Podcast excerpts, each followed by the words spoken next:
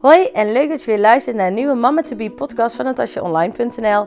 Vandaag ga ik het met jullie hebben over uh, een genderreveal of juist niet. En dan bedoel ik niet per se alleen het feestje mee, maar vooral ook erachter komen of je in verwachting bent van een jongen of een meisje. Of mocht het tweeling zijn, jongens, meisje of jongen en meisje.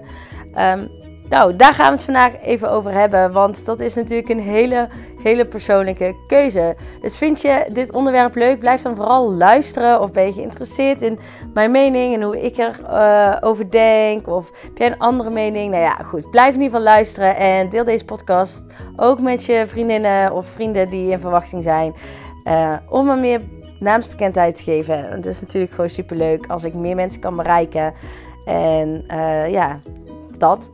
Dus we gaan snel van start.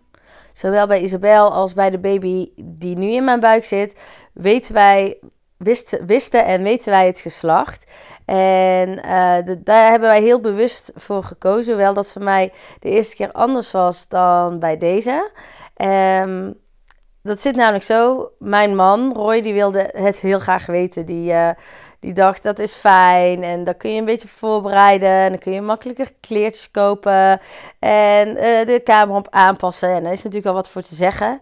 En mij maakte het niet per se heel veel uit. Al dacht ik wel van ja, maar is het dan niet ook leuk om het juist als een verrassing te zien? Dus dat je niet weet wat het wordt.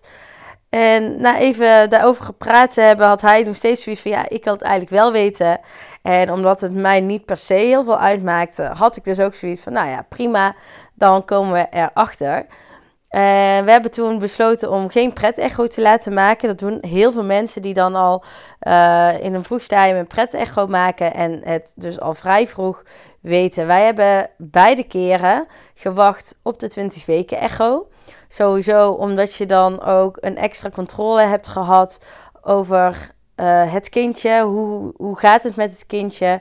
Uh, zit alles erop en eraan, et cetera. Dan heb je toch wel meer een besef van hoe gezond het kindje zou kunnen zijn. Want het is natuurlijk nooit 100% dat een kindje gezond ter wereld komt. Wij zelf hebben dat dus iedere keer bij de 20 weken echo laten checken. Maar zijn er op die dag zelf nog niet achter gekomen. Wij hebben uh, bij beide kinderen een gender reveal party ook echt gehouden.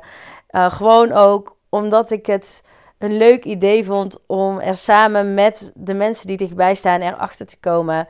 En ja, het is natuurlijk super cliché, want uiteindelijk maakt het helemaal niets uit of het een jongetje of een meisje is. En als het maar gezond is. En dat is deels ook zeker zo. Um, maar daar kom ik zo meteen nog eventjes op terug. Bij, de, bij Isabel zijn we door middel van een taart achtergekomen. Dus we, we hebben toen op, ik meen me te herinneren, op woensdag de 20 weken echo gehad. En die zondag, moederdag 2017, dus ja, staat echt in mijn geheugen gegrift als de dag van gisteren, uh, hebben we een gender reveal party gehouden. En ja, de echt familie die dichtbij staat, dus onze gezinnen en onze beste vrienden, uitgenodigd om dat met ons, uh, ja, om er met ons achter te komen. En bij binnenkomst konden ze door middel van een kleur bekertje kiezen of zij dachten dat het een jongetje of een meisje werd. En ja, uiteindelijk dus met een taart opensnijden zijn wij erachter gekomen dat we dus toen in 2017 in verwachting waren van een meisje. Wij hadden op dat moment ook helemaal geen voorkeur. Ik had een lichte voorkeur voor een meisje overigens. Maar ik had wel echt zeker zoiets van als het maar gezond is. En dat heb ik nog steeds hoor. Dus begrijp me zeker niet verkeerd. Nou ja, toen is Isabel dus geboren. En nu hebben we weer een gender reveal party gedaan. Dus we hebben weer gewacht tot de 20 weken echo. En uh, de echoscopiste heeft een blauw kaartje in een envelop gedaan. Dat wisten wij toen nog niet. Maar we wilden het wel anders doen dan bij Isabel. Omdat het toch weer een ander kind is. En er zijn zoveel mogelijkheden om een gender reveal party te doen. Of een gender reveal te doen dat we dachten, oké, we willen nu iets anders. En deze keer hadden we een ballon om door te prikken. En in die ballon zaten allemaal uh, ballonnen, kleine ballonnen in de juiste kleur. Of tenminste, dat hopen we dan maar. Want ja, we hebben het zelf natuurlijk niet gezien. Dat is dan wel weer het nadeel van een gender reveal party. Dat je het zelf dan nog eigenlijk niet hebt kunnen zien. En met de uitleg van de e-, echoscopisten erbij. Van zo kun je zien dat het een jongetje is en zo kun je zien dat het een meisje is. Maar goed, we verwachten dus deze keer een jongetje. En daar hebben wij best wel aan moeten wennen. Want eigenlijk al voordat ik in verwachting raakte van deze baby, hadden wij allebei wel heel sterk de voorkeur voor een meisje. En niet dat de jongen niet welkom is. Dus je moet me echt niet verkeerd begrijpen. Want een jongen was net zo welkom geweest hoor, als een meisje. Maar we hadden al twee namen zelfs voor, voor dit meisje, als het een meisje zou zijn geweest. En waar we allebei helemaal gek op waren. En die hadden we al voordat ik in verwachting raakte. En dat, ja, hoe dat kan, dat weet ik eigenlijk niet. Maar we het eigenlijk ook tegelijkertijd. Dus het is, je zou zeggen meant to be dat het een meisje zijn, maar het was dus een jongen. En daardoor hebben we het denk ik ook wel even moeten laten bezinken. Ik, ben, ik denk dat ik er wel sneller aan gewend was dan Roy. Ik denk dat Roy het echt ja, ruim, ruime week nodig heeft gehad om het echt goed te laten bezinken. Daarna steeds, uh, ja, dat het wel bezonken was, maar ja, nog iedere dag een steeds, steeds een beetje meer. En voor mij heeft het ja, net iets minder dan een week geduurd. Maar ook wel dat ik echt dacht, oh, we krijgen een jongen, wat moet ik met die jongen? En dat heeft puur te maken met het feit dat ik vroeger altijd al riep, ik wil later als ik kinderen kan krijgen, meisjes. Ik voelde me ook echt een meisjesmama. Maar een jongen, ja, wat moet ik daarmee? Was mijn uh, primaire reactie. En ehm, ja, wij dachten er eigenlijk zo allebei wel over. We zagen ons allebei wel als meisjesouders. Dus dat, dan is het echt even schakelen als je dat echt al een tijd in je hoofd hebt zitten. En dat is niet erg, want ik sta nog steeds achter het stukje als het kind maar gezond is. En dat is nog steeds natuurlijk het aller, aller, allerbelangrijkste. Ja, en tot nu toe blijkt, lijkt dat ook nog zo te zijn. Dus we gaan ervan uit dat uh, ons zoontje ook gezond ter wereld komt. En dat uh, maakt ons natuurlijk zielsgelukkig. Dus in dat opzicht maakt het niet per se uit of het jongetje, of, jongetje of een meisje is. Maar ik wil zeker ook het taboe, taboe doorbreken. Eh, dat je, dat je gewoon wel een voorkeur mag hebben. In plaats van, uh, je, dat kun je niet maken om te zeggen. Want het is voor iedereen denk ik gewoon net zo welkom. Ongeacht wat het geslacht wordt. Maar dat wil niet zeggen dat je geen voorkeur mag hebben. Ja, nu zijn we er ondertussen dus aan gewend. En is dat ook heel, vind ik het echt super leuk om een jongetje te krijgen. Dus ik ben uh, ook heel benieuwd hoe dat gaat zijn. En je kunt dadelijk gewoon over twee um, ja, of twee geslachten wil ik zeggen, ja, zo, ja, toch wel. Kun je toch wel een beetje oordelen hoe dat gaat. Je kunt erover meepraten. En natuurlijk is ieder kind anders, dus dat zegt niks.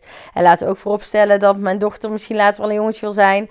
En uh, mijn zoontje misschien later wel een, uh, een uh, meisje wil zijn. Dus ik bedoel, je kunt er niks van zeggen. Maar in eerste instantie is het biologisch gewoon natuurlijk wat het is. Ja, het, voor, het voordeel van het weten is dat je dus de juiste kleertjes kunt kopen of krijgen. In, uh, het voordeel bij ons was dat mijn zus, haar oudste is een jongen en haar jongste is een meisje. Nou, de jongste is een half jaar ouder dan mijn dochter. Die hebben ook heel veel kleren, ja, niet samen gedeeld, maar wij hebben heel veel kleren van, uh, van haar dochter gekregen. En ze had alle uh, kleren van haar zoontje bewaard. En die komen nu ook onze kant op. Dus dat is natuurlijk wel super fijn. Uh, dat dat zo kan. Maar aan de andere kant, op het moment dat het nog een meisje was geweest, was het ook fijn, want die kleedjes hadden we al. En dan koop je nog steeds wel wat nieuwe. Dus in dat opzicht is het toch wel heel fijn om te weten um, wat het wordt. Omdat je daar met de kosten wel ook een beetje rekening kunt houden. Van, hé, hey, moet je allerlei nieuwe kleren gaan kopen? Stel je voor dat je het niet krijgt, zoals ik uh, van mijn zus. Ja, dan ja, dat is wel, denk ik, iets om rekening mee te houden. Van, oh ja... Uh, we moeten nou in één keer nog weer nieuwe kleedjes kopen, want ze kunnen niet samen doen of zo. En het is uiteindelijk natuurlijk toch niet, omdat je twee, twee verschillende kinderen gaat krijgen, waarschijnlijk met een hele andere smaak. Maar dat is toch iets om rekening mee te houden. Het voordeel van het weten uh, is ook de naam. Sowieso bij mijn dochter wisten we echt geen jongensnamen. We hadden wel echt een heel groot lijstje met meidennamen. Dus we waren om die reden ook extra blij dat het een meisje toen, uh, toen werd. Uh, omdat je keus genoeg hebt, dat kan ook overigens een nadeel zijn. Maar het feit is wel dat wij dus voor onze dochter geen jongensnamen hebben bedacht. En uh, zij kan later niet vragen hoe, kan ik, hoe, hoe zou ik hebben gegeten als ik een jongen was, want dat weten we gewoonweg niet. En in het geval van ons zoontje is het deels anders, omdat we dus natuurlijk al de meisjesnamen paraat hadden. Um, maar overigens hebben we daar nog steeds geen naam voor. Maar het is om die reden misschien ook wel heel fijn als je ook de meisjesnaam heel lastig had gevonden. Dat je dan toch al, al een beperkte keuze hebt. Van nee, het is of een jongensnaam of het is een meisjesnaam. Punt. Dat maakt, is denk ik ook zeker wel een heel groot voordeel van het bedenken van namen. Plus dat ik uh, sowieso zoiets had. Uh, ja, dat, ja, dat heb ik vooral bij Isabel gehad. Ik zei al wel een flink namenlijstje voor meisjes. En toen we wisten dat het daadwerkelijk een meisje werd, sloegen we in één een hele andere kant op. Dus we hadden bepaalde soort namen. En we wisten dat een meisje werd. In één keer, nee, wilde ik mijn dochter toch echt niet zo laten heten. En ik denk als ik het niet geweten had. Dus we hadden een jongensnaam moeten bedenken en een meisjesnaam, omdat het een verrassing zou zijn bij de geboorte. Dat mijn dochter heel anders zou hebben gegeten. Dus ik vond het, ik denk dat het ook wel een voordeel kan hebben om het dus wel te weten. Omdat je dan in één keer beseft van, oh, dit wordt dan ook echt de naam. Dit wordt onze Isabel. Of zoiets. Ik weet niet of jullie mij goed begrijpen. Maar ja, dat, zo, dat speelde in ieder geval bij mij al erg. Aan de andere kant vind ik het, denk ik, ik ja, die ervaring heb ik dus niet en die ga ik ook niet krijgen. Uh, zou het ook wel heel erg leuk zijn om het niet te weten.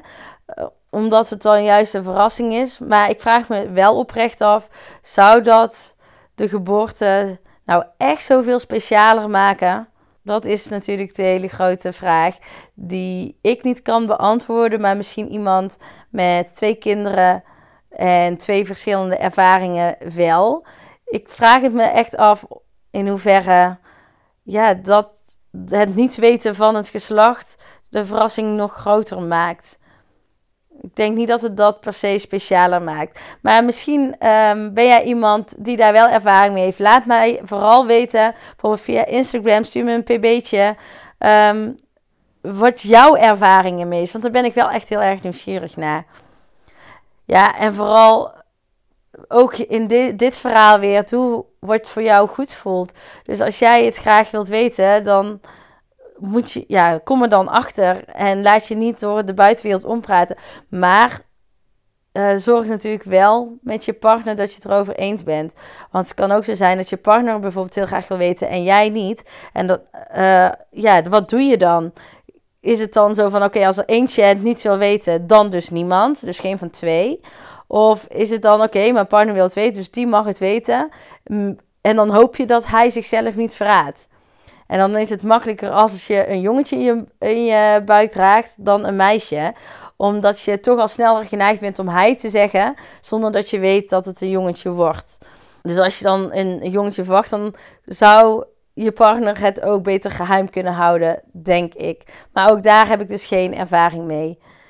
Ja, en nogmaals, ja, volg je hart, doe wat voor jou goed voelt. Er zijn talloze redenen om het uh, wel te willen weten, maar maakt het uiteindelijk heel veel verschil. We zijn bijvoorbeeld voor Isabel uh, niet per se roze kleedjes gaan halen toen we wisten dat het een meisje werd. Want we hadden sowieso roze, dat hoeft niet per se. Overigens is daar wel verandering in gekomen.